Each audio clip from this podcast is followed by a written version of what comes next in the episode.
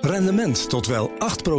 Ontdek Unity. Wij bieden koppelbare werk, kantoor en opslagruimtes die staan voor duurzaamheid, kwaliteit en veelzijdigheid. Sluit je aan bij Unity, waar alle ruimte is voor creativiteit, lef en rendement. Kijk voor meer informatie op unity-units.nl. Ik hoor gejuich. Volgens mij hebben wij Ja? frequentie. Van harte gefeliciteerd. We hebben hem. We gaan door op FM. BNR Nieuwsradio. The Big Five. Art Rooijakkers. China wil voor 2030 de eerste taikonauten op de maan zetten. De Verenigde Staten en Europa schroeven hun ruimteambities op. Satellieten worden met een hoog tempo gelanceerd. En intussen gaan dan ook nog miljardairs zoals Elon Musk commerciële ruimtevluchten aanbieden. Kortom, is druk in de ruimte. Het wordt alleen maar drukker. Welke partijen gaan de strijd met elkaar aan? En ja, wie zoekt elkaar juist op? Wat valt er allemaal nog te ontdekken? Wie loopt er eigenlijk voorop in die ontdekkingsreis? Daarover gaat het deze week. In BNR's Big Five, vijf experts, spreek ik over de race om de ruimte. Vandaag de gast, mooie aftrap, Mark Kleinwold, sterrenkundige en directeur van de Radboud Radiolab aan de Radboud Universiteit Nijmegen. Hij werkt echt wereldwijd mee in allerlei prestigieuze ruimtevaartprojecten bij de Europese, Amerikaanse ruimtevaartorganisaties, ESA heet het dan en NASA. En in 2019 deed hij eh, samen met zijn lab mee aan een maanmissie met China. En ja, om het op te houden, nu op dit moment onder de vlag van ESA stuurt hij een team van de Europese wetenschappers aan dat van plan is een telescoop op de maan te bouwen. Ja. Wat, een- wat een cv, welkom. Ja, nou, leuk om er te zijn. Ja, en dan, je bent niet eens 95, terwijl ik dit allemaal opnoem. Het is een vol leven dat je leidt. Ja, je moet gewoon dingen in parallel doen, denk ik. Dingen in parallel doen. Ja, ja, ja. We doen veel dingen. In, in mijn team eh, hebben we veel projecten tegelijk- tegelijkertijd lopen. En dat is soms wel heel complex. Maar wij vervullen vaak eh, sleutelrollen in dat soort grote projecten. En dan kun je wel dingen combineren. En we zijn gewoon heel ambitieus. Dus dat is gewoon. Ik, ik kan denk ik ook geen nee zeggen. Misschien Nee. is dat het probleem wel. Dat is misschien ook wel een goede eigenschap. Ja. Voordat we het gaan hebben over de strijd om de maan... wil ik graag twee dingen eerst van je weten. Allereerst, wat was voor jou nou het, het, het mooiste moment voor jou persoonlijk in de ruimtevaart?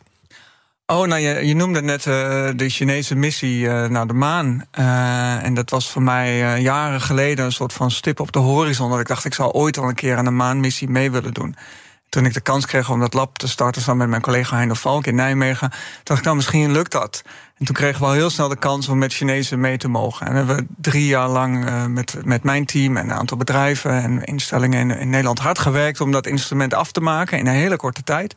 En toen mochten we bij de lancering zijn in China, eh, in Xinjiang, eh, tegen de grens met Nepal aan, op 3000 meter hoogte in de bergen. En dan zie je die raket gaan. En Met ik- jou? Met mijn instrument aan boord. Wat ik zelf heb aangeraakt en erin heb gezet. En dan zie je hem zo gaan. En dan denk je, nou, dit is echt onvoorstelbaar. Ja, Dat wat voor gevoel geeft dat? ja, het was, het was een hele gekke combinatie. Want het was een, aan de ene kant een heel erg macho gevoel. Eh, want die raket maakt enorm kabaal. En dat is echt in de eerste paar ja, seconden is dat echt heel intens. Ook een soort vallers die ze de lucht in knallen. Ja, ja, ook nog eens. Ja. Dus dat was wel echt, eh, echt, echt een macho gevoel. Maar daarna, dan, eh, hij gaat heel snel omhoog. En hij wordt steeds kleiner en kleiner en kleiner. En toen kreeg ik zoiets van: oh, mijn, mijn kleine instrumentje gaat helemaal naar de maan. Gaat het wel goed? Dus, toen, dus het was een combinatie van dingen. Maar het was ook het moment daarna dat ik. Toen kreeg ik de eerste foto terug dat hij daar achter de maan hing. Dat je je realiseert dat we hebben het gewoon geflikt, zeg maar. En dat was wel echt heel tof. Want dan zie je een foto vanaf de maan. Nee, dat was een foto gemaakt. Kijk, die satelliet waar wij op zaten, die hangt achter de maan. Ja? Op, eh, op, op een afstandje, zodat hij en de achterkant van de maan en de aarde ziet. En die stuurt dan een foto van de maan en de aarde. Juist, ja. En, maar op die foto zag je ook een onderdeel van ons instrument. Dus ik zag gewoon de maan en de aarde en, en een stukje van mijn instrument... wat ik zelf had vastgehouden, wat ik een maand daarvoor zeg maar, met mijn team... op die satelliet had geschroefd. En dan zie je dat. Ja, dat is echt gewoon kicken. Ik kan ook niet meer op dezelfde manier naar de maan kijken. Voor mij is dat altijd veranderd. Ja, hoe zie je het nu dan, de maan? Ja, het voelt, dat mag ik natuurlijk niet zeggen, maar het voelt als een beetje van mij, zeg maar. Het is jouw maan geworden. Klein, heel klein beetje. Dank dat we naar jouw maan mogen kijken ja, dan. ja, Ja. ja, graag gedaan. Als er nou, bij, bij de tweede vraag. Als er nou geen einde zou zitten aan jouw financiële middelen... voor- Ja. wat voor project zou je dan nog willen ondernemen? Waarbij geld is... is Geld geen probleem. nee. Nou ja, de, de, wij willen heel graag een heel groot instrument op de achterkant van de maan bouwen. Dus ik denk dat ik daar het geld ervoor in zou Wat voor instrument is dat dan? Nou, we hebben nu dus die antenne eh, op een Chinese satelliet hangen achter de maan. Die doet als eigenlijk dat is een soort van prototype die de eerste soort van metingen doet en de, en de omgeving probeert in kaart te brengen. Eh, maar uiteindelijk willen we een radiotelescoop of een netwerk van radiotelescopen op de achterkant van de maan bouwen. En uh, ja, dat is lastig. Dat, is heel, dat moet heel groot worden. Uh, en dat kost veel geld en, en moeite. Uh, maar dat gaat ons inzichten geven in, het, in ons heelal... die we nog nooit van tevoren gehad hebben. Want je kan nog dieper het heelal in kijken vanaf daar. Nou, het is, het is dat. Uh, we, die plek op de maan is belangrijk omdat we dan radiostraling kunnen opvangen die we op aarde nog niet hebben kunnen opvangen. Omdat de atmosfeer die blokkeert. En omdat we in diezelfde um, golflengtes. Jullie hebben net een FM-zender of frequentie ja, weer gekocht. Ja. In die frequenties zit een wetenschappelijk signaal wat wij heel graag willen zien.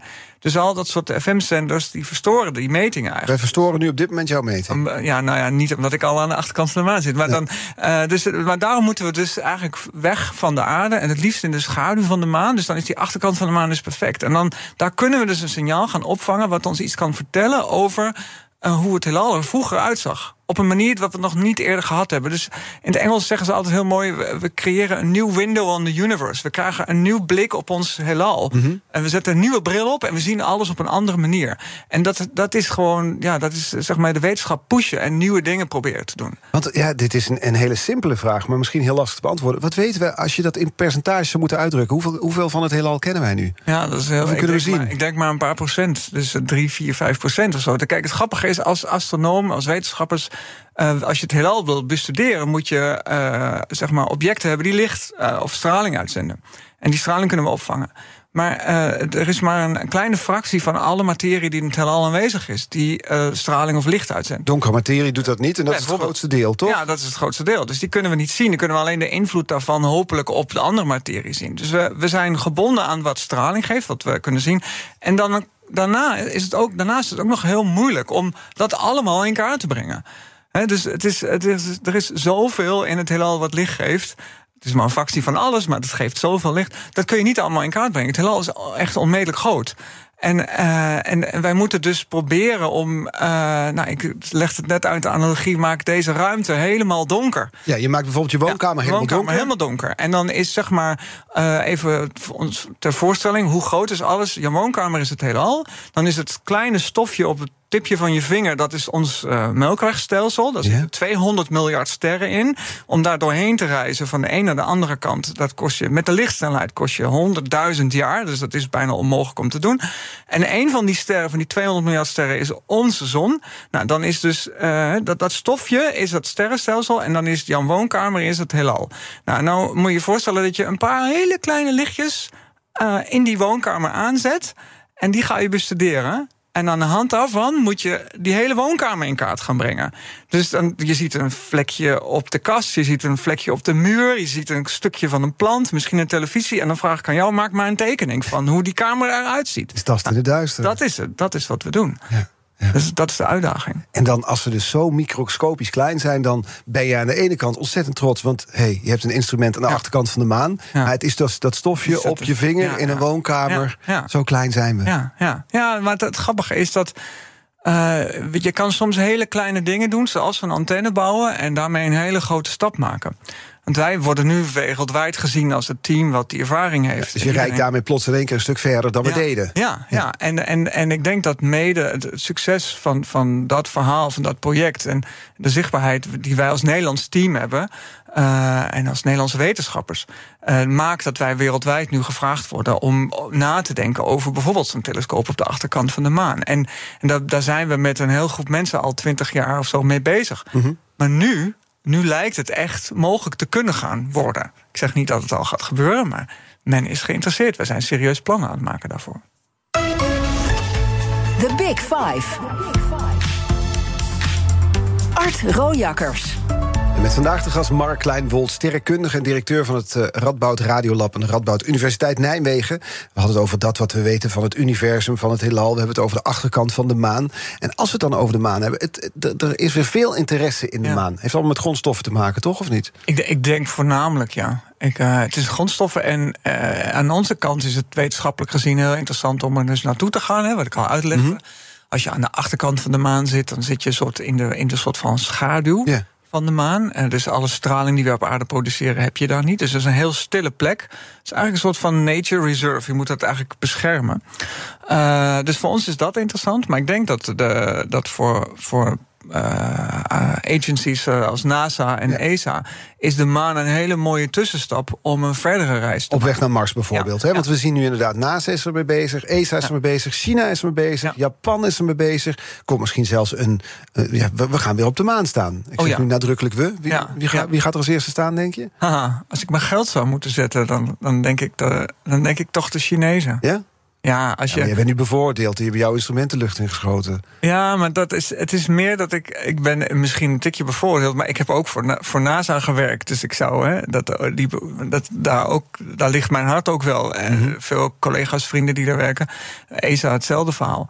Het is meer, mijn inschatting is meer gebaseerd op uh, de macht die China heeft en de middelen die China heeft. Mm er zit een heel groot verschil in. Wij kunnen in Europa of in de, in de, in de VS plannen maken voor ruimtevaart. En, uh, maar die duren maar zo lang als de regering. heel even onderbreken, ja, dat is wonderlijk. Want we hebben het over de grote vragen van het universum. Maar we gaan nu even naar de postzegel in Den Haag, waar onze premier demissionair een verklaring gaat afleggen. Mark Rutte. De leden en de mensen op de publieke tribune en de mensen die op een andere manier de verklaring volgen van, eh, van harte welkom. Het is een vrij ongebruikelijke dag om als Tweede Kamer plenair te vergaderen. Aanleiding tot deze vergadering is dat afgelopen vrijdag 7 juli 2023 de minister-president en alle ministers en staatssecretarissen hun ontslag bij de koning hebben ingediend. De koning heeft op dit moment uh, Kamervoorzitter Vera Bergkamp. Ik heb Hij gaat een introductie doen en dan komt zo meteen Mark Rutte. Dus te komen om vandaag een verklaring af te leggen over de huidige situatie. Vervolgens is er een regeling van werkzaamheden... waarin de heer Wilders een verzoek gaat doen tot een debat. Vervolgens schorsen we kort uh, om de sprekerslijst in orde te maken... en dan starten we als daar meerderheid voor is, en gezien de samenstelling vandaag in de Kamer denk ik van wel, dan starten we daarna met het uh, debat. Ik geef nu het woord aan de minister-president om een verklaring af te leggen aan de Tweede Kamer.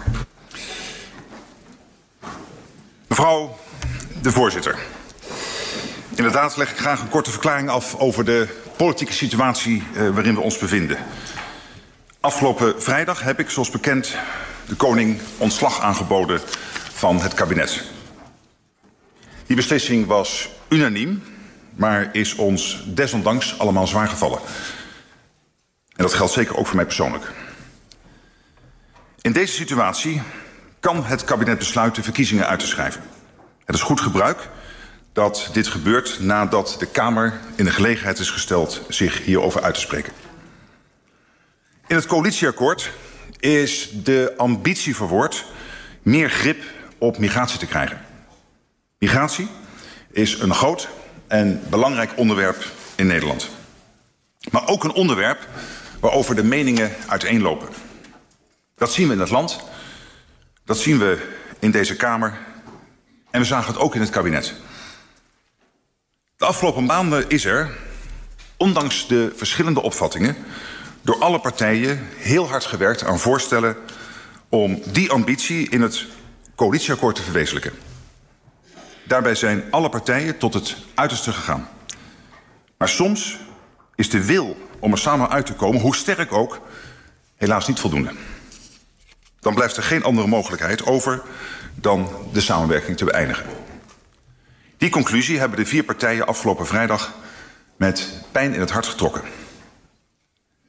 Ik zeg met pijn in het hart, want ondanks de soms grote onderlinge verschillen heeft dit kabinet resultaten kunnen boeken. De grote investeringen in het onderwijs. De modernisering van de arbeidsmarkt. Het grote klimaatpakket van dit voorjaar. De toekomst van de pensioenen. En het koopkrachtpakket van vorig najaar. Het is betreurenswaardig dat we als kabinet niet verder gaan. En zo'n situatie komt nooit op een goed moment, ook nu niet. We staan in Nederland voor grote vraagstukken stikstof, de toekomst van landbouw en natuur, maar ook de woningmarkt, het klimaat en de zorg. Het zijn thema's die om oplossingen vragen, niet om uitstel. Het kabinet heeft de verantwoordelijkheid om te doen wat nodig is voor Nederland. Dat is ook wat de koning ons nu heeft gevraagd. Uiteraard past het kabinet terughoudendheid als het gaat om nieuw beleid en wetgeving. De Kamer bepaalt welke voorstellen zij nog wil behandelen. Maar er zijn altijd urgente thema's die nu om besluiten vragen. Het kabinet zal dan ook samen met de Kamer proberen ook de komende maanden zo verstandig mogelijk beleid te voeren. Dat geldt in ieder geval voor steun aan Oekraïne in de strijd tegen de Russische agressie. En een verdere aanpak van zowel het toeslagenschandaal als de gevolgen van de aardgaswinning in Groningen. Maar uiteraard is dat nu eerst aan de Kamer. Tot slot, voorzitter, wil ik nog iets persoonlijks zeggen. Er is de afgelopen dagen gespeculeerd over wat mij zou motiveren. En het enige antwoord is Nederland. Mijn positie daaraan is volstrekt ongeschikt. Gisterochtend heb ik het besluit genomen dat ik niet opnieuw beschikbaar ben als lijsttrekker van de VVD. Bij het aantreden na de verkiezingen van een nieuw kabinet zal ik de politiek verlaten. En ik heb gistermiddag mijn partijvoorzitter en fractievoorzitters daarvan op de hoogte gesteld. Dat is mijn persoonlijke afweging, die losstaat van de ontwikkelingen de afgelopen weken. Maar ik wilde u dat wel aan het begin van dit debat vertellen. Dit debat moet gaan over ons land. Dank u wel. Dit was de verklaring van onze minister-president Mark Rutte... die daar op het einde aankondigt dat hij niet meer beschikbaar is... na de verkiezingen. We gaan onze politiek verslaggever Mats Akkerman in Den Haag... Ja, het vuurwerk staat op het einde van de verklaring, Mats. Ja, het begin van de verklaring leek heel erg op wat Rutte vrijdag al zei... dat hij baalde en dat migratie de grote splijtsplan bleek. En toen op het eind ja, kondigt Mark Rutte hier aan dat hij niet langer door zal gaan als minister-president na de komende verkiezingen. Uh, hij blijft demissionair, wil hij wel de rit uitzitten. Uh, mogelijk komt er vandaag in het debat een motie van wantrouwen tegen hem. Sommige partijen willen hem per direct weg hebben. En misschien dat hij door dit te zeggen ja, de angel uit het debat wil nemen en zeggen: Ik blijf aan uh, totdat er een nieuwe regering is, maar daarna ben ik ook weg. En toch denk ik voor veel mensen wel onverwacht. Want ook vrijdag nog zei Rutte in zijn persconferentie toen het kabinet viel: Ik heb nog de energie en ik heb nog de ideeën, ook al klonk het niet meer zo energiek als we van hem gewend waren. Maar uh, hij gaat er dus mee stoppen na uh, ruim 13 jaar. Zou dat echt dit weekend besloten zijn? Dat denk ik wel. Ja, ik, ik geloof het wel. Of misschien dat hij afgelopen week, toen hij uh, woensdagavond, toen het migratieoverleg uh, zo hoog opliep. Uh, en toen hij degene was die gedreigd heeft om de stekker uit het kabinet te trekken. Misschien dat hij toen in zijn achterhoofd wel al besloten had dat hij dit ging doen. Maar ja, wanneer hij de beslissing echt heeft genomen, nee. dat, dat zullen we niet weten. Heb je, ja, nu gaat het speculeren natuurlijk meteen beginnen, Mats. Want ja, als hij geen lijsttrekker wordt, Mark Rutte, wie moet het dan wel gaan doen? Ja, de, de twee namen die eerder wel genoemd zijn, zijn Dylan Jezielgus, de huidige minister van uh, Justitie. Uh, zij had ook heel veel voorkeurstemmen bij de vorige verkiezingen. En een andere naam die vaak wordt genoemd is Edith Schippers, de fractievoorzitter van de VVD in de Eerste Kamer. Was ook heel lang een vertrouweling van Mark Rutte, is ook minister geweest. Dus dat zijn twee namen die je veel hoort. hoort. Maar goed, Mark Rutte is 13 jaar uh, ja, premier geweest, volgens mij bijna 20 jaar de partijleider van de VVD. dus ja, het speelveld is na een hele lange tijd weer open. En misschien dat zich uh, wel veel meer mensen gaan aandienen om zijn plek in te nemen. Ja, onder een grote boom heb je veel schaduw, hè? dus dat goed niet snel iets. Benieuwd wie in zijn uh, voetsporen durft te treden. Het is in ieder geval een, een, een nieuw tijdperk dat we tegemoet gaan. Ja, klopt. En inderdaad, wat je zegt, grote bomen met veel schaduw. Ja, er zijn in de loop der uh, de vier kabinetten Rutte zijn er veel mensen tot kroonprins uh, bestempeld en weer uh, verdwenen. Ooit werd het gezegd over Sander Dekker, Klaas Dijkhoff, die fractievoorzitter was, werd dat over gezegd. Maar allemaal vertrokken ze al lang weer en Rutte ging door en door en door en door.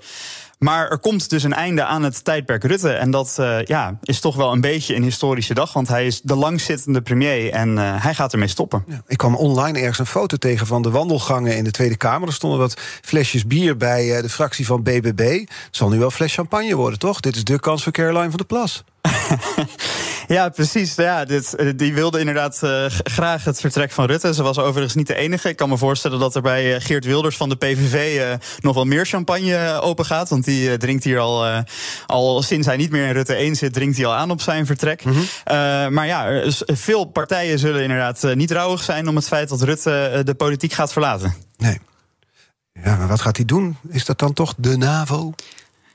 Ja, dat is dan nu wel weer de vraag. Want Jens Stoltenberg, de huidige secretaris-generaal van de NAVO, zit aan het eind van zijn termijn. Uh, en er werd altijd gezegd dat Rutte de idea of werd, wordt gezegd dat Rutte de ideale opvolger is, omdat hij veel connecties heeft, veel internationale ervaring.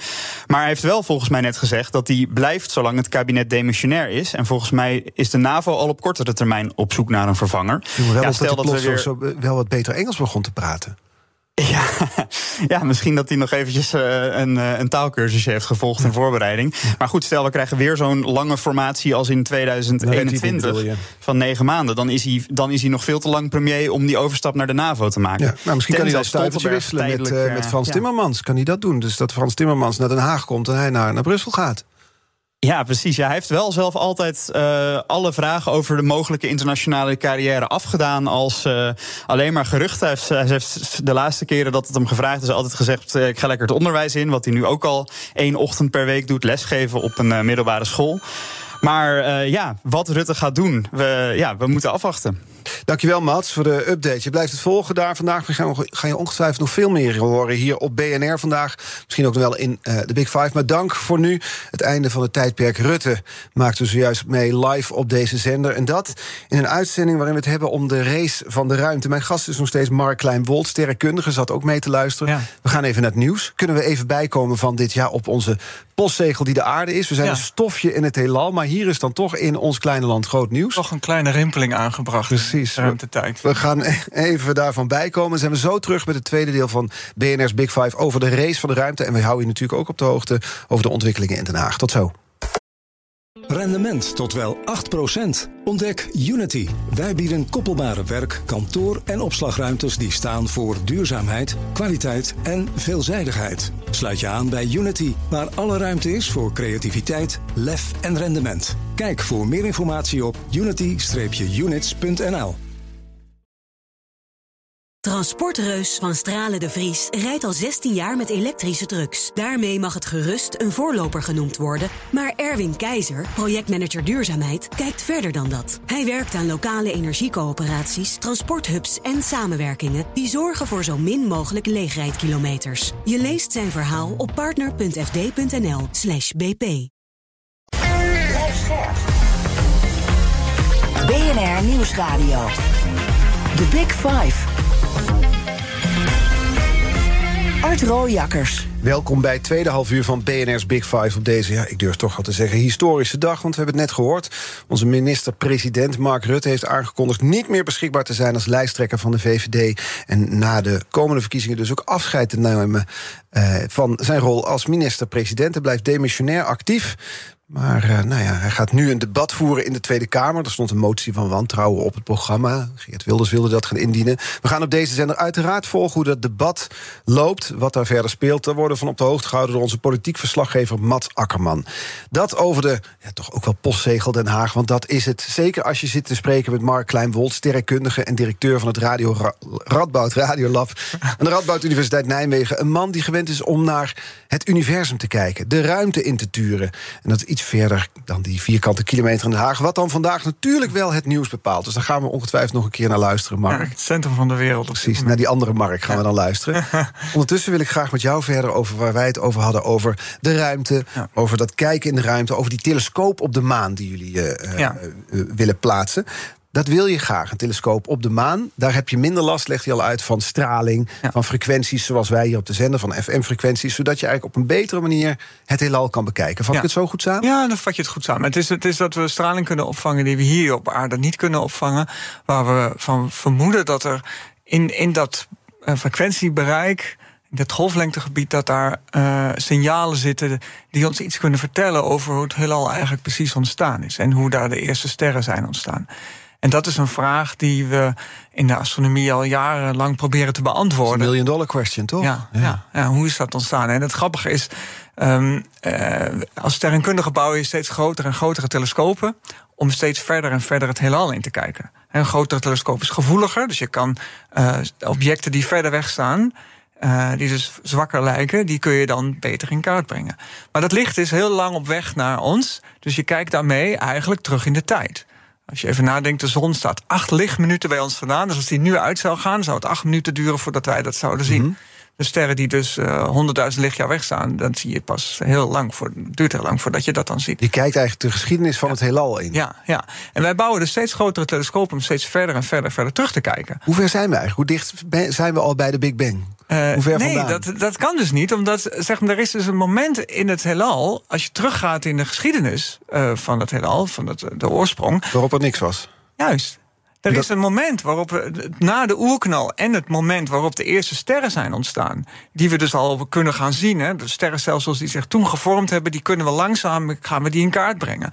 Maar daar zit een periode tussen dat er nog geen sterren waren. En dat, dat, dat heelal, zoals het er toen uitzag, kunnen wij dus niet bestuderen, want er waren geen sterren die licht gaven. Is dat frustrerend? Ja, en nee, want we hebben dus een andere manier gevonden om dat wel te doen. En het grappige is, dat is, dat is een heel basaal iets. We hebben zeg maar, onze hele heelal bestaat voornamelijk uit waterstof. En dat waterstof, dat gedraagt zich nu hetzelfde als 14 miljard jaar geleden. Mhm. En dat zijn een klein beetje straling uit. En die straling, die zien wij nu overal om ons heen in het heelal.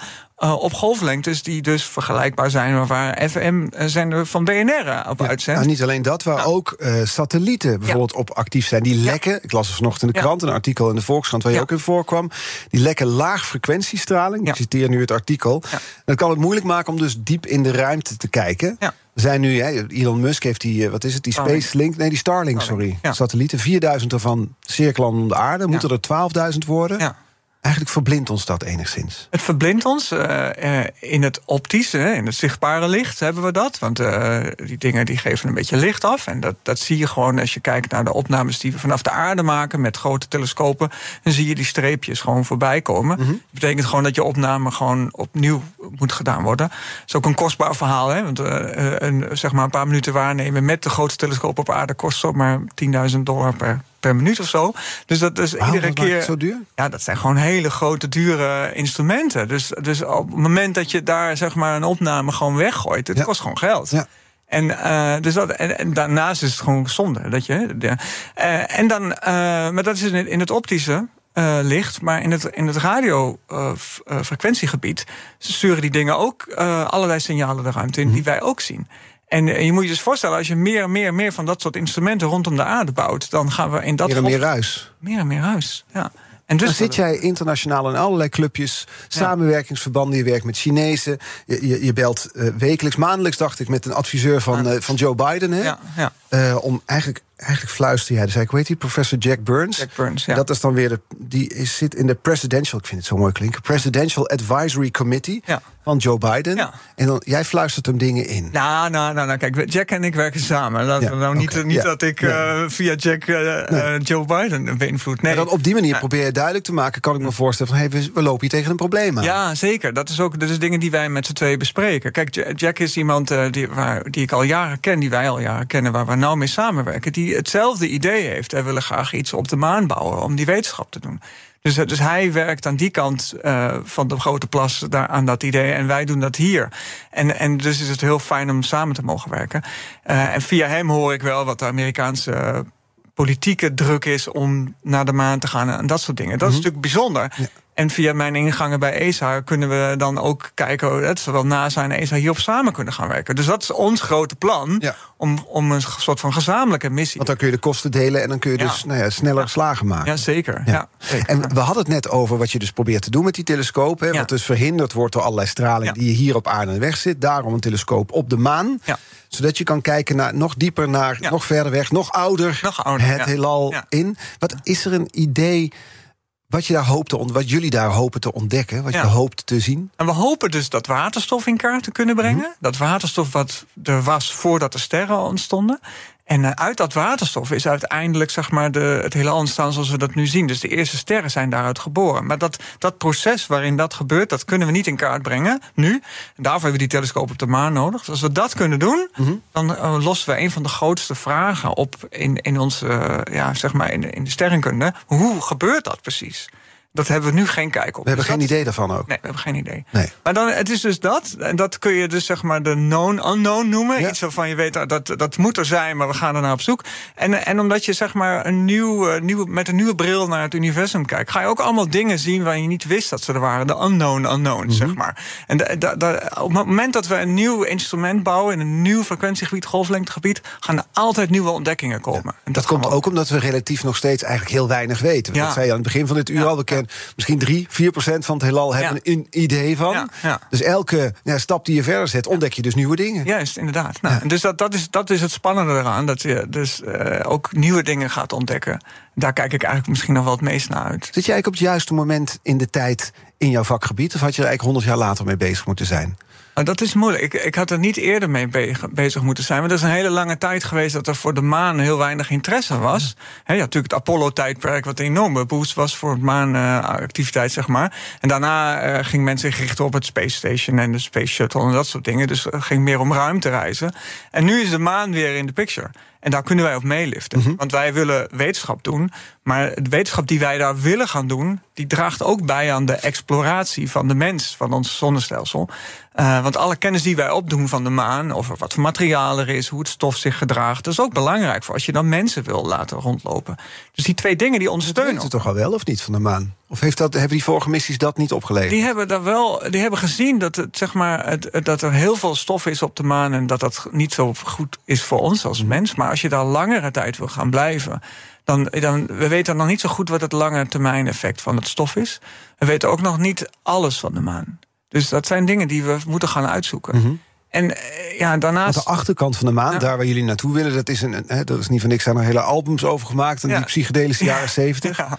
Dus dat is, een, dat is een soort ja, terra incognita, een soort onbekende, donkere, koude wereld die wij niet heel goed, ja, wel in kaart hebben, maar toch ook er niet alles van weten, zeg je. Dat is waar. En het is, kijk, het mooie is, eh, die, die satelliet die wij op de. of die, het instrument dat we op die Chinese satelliet hebben.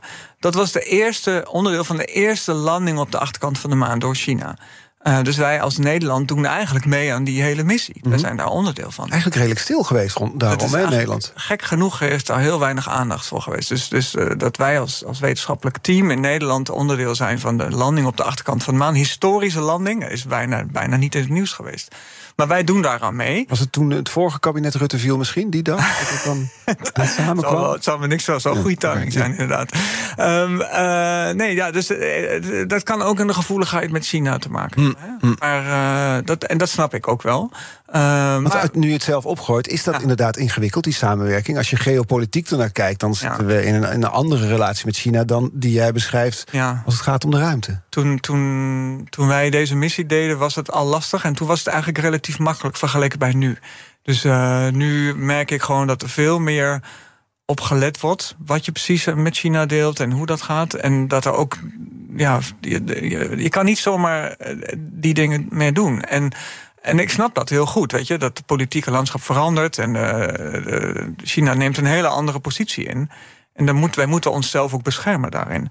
Maar ik ben altijd heel erg iemand van, van wederkerigheid. En eh, ik, ik denk dat wij in, in het project dat wij gedaan hebben, daar heel erg goed op gelet hebben. Dat wij onze kennis, onze kroonjuwelen, niet zomaar weggegeven hebben.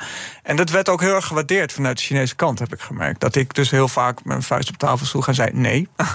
En, eh, en, en dus dat ik of tegen hun zei: Ja, ik wil best dingen met je delen, maar dan wil ik ook de blauwe tekeningen van je satelliet. Ze: Ja, dat ga je niet krijgen. Zei, Nou, dan zijn we klaar. Ja, dan staat het gelijk. Ja, ja, maar dat, die spanning, dat spanningsveld moest je opzoeken. Dan moest je doorheen. Dat werd heel erg gewaardeerd.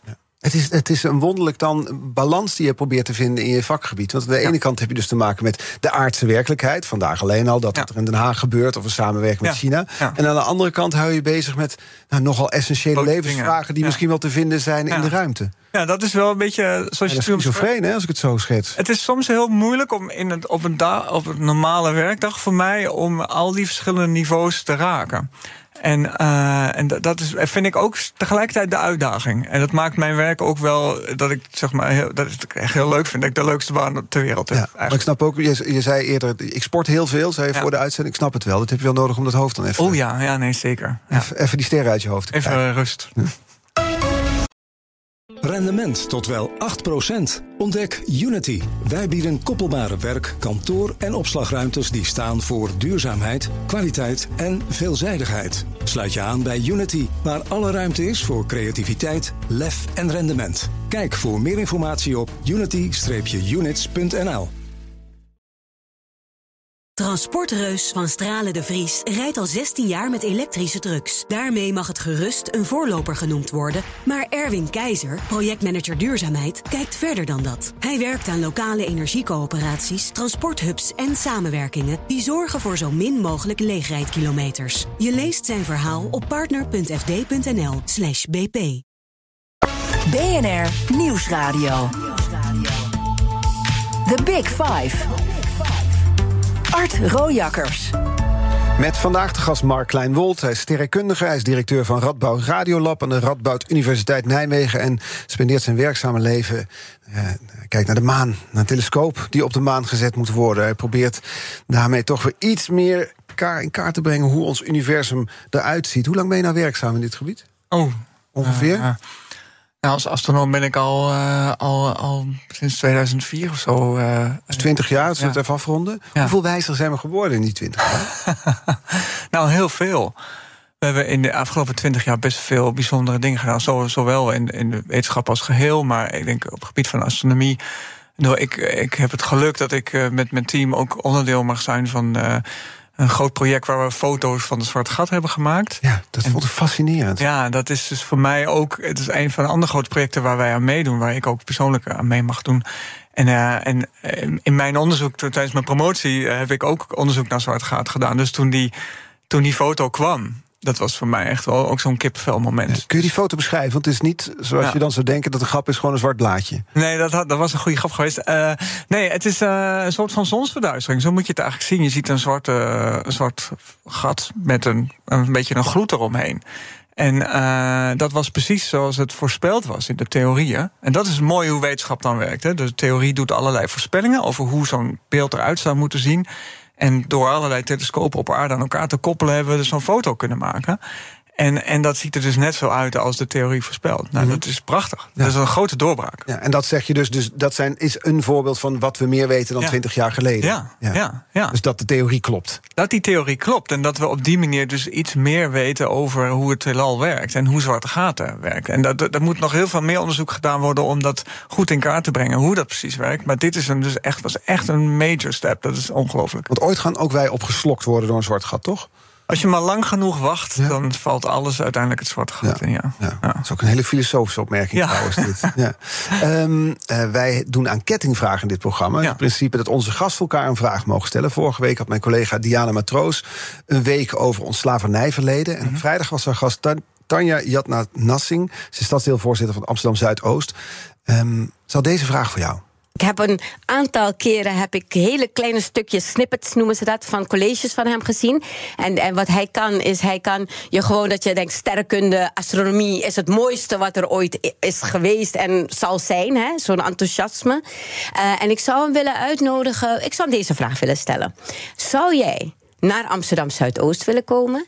En ons willen laten genieten van jouw kennis. Zodat mijn kinderen, mijn mensen in Amsterdam Zuidoost nog slimmer kunnen worden dan zelf zijn. Het is een uitnodiging. Ja, nou, die uh, pak ik op natuurlijk. Ja? Geweldig. Ja, dat vind ik leuk. Want dan zit daar meteen ook aan vast de vraag die ik ook heb. Ik denk dat uh, heb die, die veel mensen, of nou in Amsterdam Zuidoost wonen of waar dan ook wonen, dat het is allemaal leuk dat gepiel in een laboratorium. Ja. Maar wat hebben wij hier op aarde nou eigenlijk aan? Ja, dat is een, dat, die vraag krijg ik natuurlijk altijd. Um, die kan ik op heel veel verschillende manieren beantwoorden. Um, ten eerste vind ik altijd dat je moet bedenken hoe wij vroeger uh, lang geleden over ons heelal dachten en over onze plekken in het heelal. De aarde was het centrum van alles. alles ja. Die was misschien wel plat en niet rond en al die dingen meer. Er zijn nog steeds mensen die denken dat het het centrum van het ja, heelal maar die vergeet ik even ja, okay, ja. nu. Maar dan, uh, uh, maar, dat, maar dat, zeg maar, en vanaf dat moment tot dan nu zijn wij enorm gegroeid in onze kennis daarover. Mm. Maar we zijn er nog lang niet. En dus moeten wij deze fundamentele, dit fundamentele onderzoek blijven doen. Dat is belangrijk voor ons als mensheid. Wij zijn nieuwsgierig, wij moeten verkennen, we moeten leren. En dat is belangrijk. Um, en aan de andere kant is het, is het heel mooi om te merken dat. En dat ik, speel, ik werk heel veel op het grensvlak tussen wetenschap en industrie. Mhm. Want wat wij als wetenschappers nodig hebben om metingen te doen, bijvoorbeeld op de achterkant van de maan, hebben we speciale techniek voor nodig, speciale, speciale materialen, noem maar op. En daar hebben we industrie voor nodig. Er zijn partijen die dat soort dingen voor ons kunnen bouwen. En wij leggen eisen op aan instrumenten die niemand op aarde zo oplegt. Weet je? Dus, zo precies, zo nauwkeurig. Ja, ja, ja onder zulke extreme omstandigheden. Dus als een, als een partij, als een bedrijf of een, of een consortium in staat is om dat te kunnen maken, als het daar werkt, werkt het overal. En wij zijn natuurlijk een heel mooi, zichtbaar eh, soort van lighthouse-project. Eh, daar kun je gewoon je voordeel mee doen. Maar dus wij ontwikkelen heel veel technologie die we weer willen toepassen. En het mooie is, ik zit in een positie met het Radiolab in Nijmegen, waarin ik dus die technologie die wij ontwikkelen ook probeer om die weer in de maatschappij een plekje te geven. Op wat voor manier bijvoorbeeld? Nou, door kleine start-ups uh, te ondersteunen, die dus uh, bijvoorbeeld software die wij bouwen of kennis die we hebben, weer toe te passen op, op andere vlakken. En uh, je kan bijvoorbeeld denken aan, aan de techniek die wij gebruiken om die foto van dat zwarte gat te maken. Uh, die technologie kun je ook gebruiken om objecten te volgen. Dus je zou met dezelfde technologie kunnen zien hoe bijvoorbeeld mensen zich in gebouwen bewegen. Of hoe bijvoorbeeld bij het onderzoek naar Parkinson of andere ziektes, hoe mensen gevolgd kunnen worden tijdens onderzoek. Op een hele nauwkeurige manier. En daar zijn we al voorzichtig mee bezig om dat te doen. Mhm. En ik vind dat heel mooi dat we die techniek techniek die wij nodig hebben om fundamentele wetenschap te doen, dan weer kunnen gebruiken voor onze alledaagse problemen. Ja, en dat je op die manier dus eigenlijk ook op de wereld, hier op aarde, de wereld een stukje beter maakt. Ja, want wij, wij zijn, want je, je zegt het heel, je hebt een paar keer gezegd, we zijn even op die postzeugel in Den Haag bezig. Maar wij wonen hier, dit is onze plek, zeg maar. En wij, wij zijn verbonden met de rest van het heelal. En ik vind het heel mooi en heel symbolisch dat de technologieën die wij ontwikkelen om dat heelal te bestuderen, kunnen we hier op deze postzegel weer gebruiken om het een beetje mooi te maken. Dat kan dan te goede trouw ook de kwade trouw natuurlijk. Want dat wat jij net beschrijft, dat je mensen kan traceren, kan volgen. Ja, ik denk dan meteen aan spionagesatellieten, aan oorlogstuig, noem maar op en zo. Dus dat, dat lijkt me ook moeilijk, dat je op het snijvlak van die ontwikkelingen aan het werk bent. Ja, maar dat heb je, dat heb je met heel veel technologie die je ontwikkelt. Uh, die kun je voor heel veel dingen toepassen. Dus die, dat, dat risico, of dat risico, die, die mogelijkheid bestaat er altijd. Uh, ik ben daar zelf niet uh, heel actief in en dat ga ik ook denk ik niet doen. Uh, ik, ik hou me liever bezig met bijvoorbeeld medische toepassingen. Ja. Dat vind ik fijner. Ja. En dan de rest dat dat zo gebeurt, ja, dat, dat, dat is dan buiten jouw rijkwijd. Ja, ja, ja. En het is mooi. Ik kan, dan, ik kan wel zeggen, dan ga ik die technologie niet verder ontwikkelen, maar dan doet iemand anders het. En ik, ik, wil, het, ik wil het liever zelf dan in de hand houden en het dan proberen uh, ergens in te zetten waar ik het dan nuttig vind. Ja. Hoe gaat het eigenlijk met de ruimte? De laatste keer dat ik keek was wel goed, ja. ja. ja Want ik zat te denken dat dus... Hè, er gaan, we, we gaan nu steeds meer mensen... we noemen het de race om de ruimte. Er gaan steeds meer mensen dus de lucht in. Ja, ja. Uh, er zijn steeds meer satellieten die die kant op gaan. Het wordt best wel druk in die baan rond Heel de druk. aarde. Je ziet soms wel eens zo'n illustratie van het ruimtepuin... dat rond de aarde zweeft. Dat is ook een soort permanente file van brokstukken... Die aan het rondzweven is. Zijn wij eigenlijk... We zijn op onze aarde, zijn, gaan we nou, redelijk achterloos mee om qua vervuiling. Zijn we dat met de ruimte ook aan het doen? Ja. Ja, dat denk ik wel. Ik denk dat jarenlang is daar niet echt goed over nagedacht. En had men denk ik ook niet de voorstelling dat men, zoals we nu zo makkelijk zoiets als dat Starlink uh, lanceren, dat dat op zo'n grote schaal kon. He, Maar- die, die 12.000 satellieten Ja. van Elon Musk inderdaad. Ja. Hè, die, eh, ja. Ja, maar, maar eh, kijk, het probleem gaat, moet zichzelf ook gaan oplossen. Want je kan je voorstellen dat, dat SpaceX heel veel investeert in die Starlink-satellieten. Dat zijn de kostbare onderdelen. Maar dan, dan kan daar dus, zeg maar, dat kan allemaal kapot gaan. doordat het botst met eh, ruimtepuin van, de, van het Apollo-tijdperk nog, zeg maar. En wat al die dingen in één keer stuk maakt. Dus, dus er zijn Want er steeds. zweeft daar nog van alles, van tientallen jaren oud. Ja. En zelfs zoiets als toen die, die James Webb-telescoop de, de lucht in ging... werd gezegd, nou, zelfs een schroefje is genoeg... Ja. om bijvoorbeeld die zonnepanelen Ja. die erop zitten kapot te maken... ben je hele apparaat kwijt. Ja, want die, die, die vliegen daar rond met enorme snelheden. Dus één klein schroefje, dat, dat kan je spiegel of je zonnepaneel helemaal verwoesten. En het kan zelfs essentiële onderdelen van je satelliet of van je eh, raket of wat dan ook verwoesten, waardoor alles misgaat. Dus is er dan een partij bezig om naar de ruimteophaaldienst te worden? Ja, nou, de, de- Zijn er plannen voor? Dat, dat weet ik niet, maar dat zou wat we zeg maar eh, een soort van grote vrachtwagen die langs gaat. Eh, wat, wat we wel aan het proberen te doen zijn, is om al dat grote ruimtepuin in kaart te brengen. En ook daar helpen wij als astronomen dan wel in, mee. Daar kunnen we met onze telescopen zeg maar, ook iets mee doen. Maar eh, dat, dat in kaart brengen en dat dan verwijderen... Ja. dat is wel iets wat moet gaan gebeuren als we op deze manier doorgaan, denk ik. Die kettingvraag die je kreeg, die mag je weer doorpassen naar de gast van morgen. Schrijver, theatermaker, dichter Marjolein van Heemstra. Ze is een fascinatie voor de ruimte. Mhm. Komt veel terug naar werk. Wat zou je van haar willen weten? Ik zou wel eens van haar willen weten wat haar fascinatie met de maan is. Dat ze zeg maar de, de dromen die ze heeft over de maan of de ideeën die ze daarbij heeft, hoe ze dat op een mooie manier kan verwoorden. Dus ik zou haar willen uitdagen om dat uh, in een mooi gedicht of een stukje tekst samen te vatten. mooi. Gaan we er morgen dus voorleggen. Marjolein van Heemstra. Uh, het was een wonderlijk uur dat we met z'n tweeën hebben beleefd. Want ja. wij hadden het over het universum en de ruimte. En tegelijkertijd maakten we live mee dat onze minister-president ja. zijn aftreden aankondigt. In ieder geval zegt niet zijn aftreden, maar in ieder geval zegt dat hij niet meer beschikbaar is als lijsttrekker. Dus ook niet als minister-president. Dat hebben we proberen samen te weven. En eigenlijk is het wel symbolisch voor jouw werk. Het ja, eigenlijk wel. Ja. het grote. Ja, ja, het was mooi en bijzonder. Dank voor je komst, Mark Klein-Wolt, sterrenkundige, directeur van Radio. Sorry, ik zeg het heet het Iedere keer, hij is Radboud Radiolab aan de Radboud Universiteit in Nijmegen. Uh, onze aflevering van de Big Five zijn terug te luisteren. Via onze podcast kun je horen. En onze app of je favoriete podcastkanaal hoef je geen aflevering te missen. Nu op deze zender, Iwan Verrips, BNR Breekt, gaat het hebben over Mark Rutte. Of hij nu al weg moet uit het torentje of niet. En ongetwijfeld ga je de hele dag op de hoogte gehouden worden hier op BNR over dat wat er in Den Haag gebeurt. Dus blijf luisteren. Wij zijn er morgen weer. Rendement tot wel 8%. Ontdek Unity. Wij bieden koppelbare werk, kantoor en opslagruimtes die staan voor duurzaamheid, kwaliteit en veelzijdigheid. Sluit je aan bij Unity, waar alle ruimte is voor creativiteit, lef en rendement. Kijk voor meer informatie op unity-units.nl.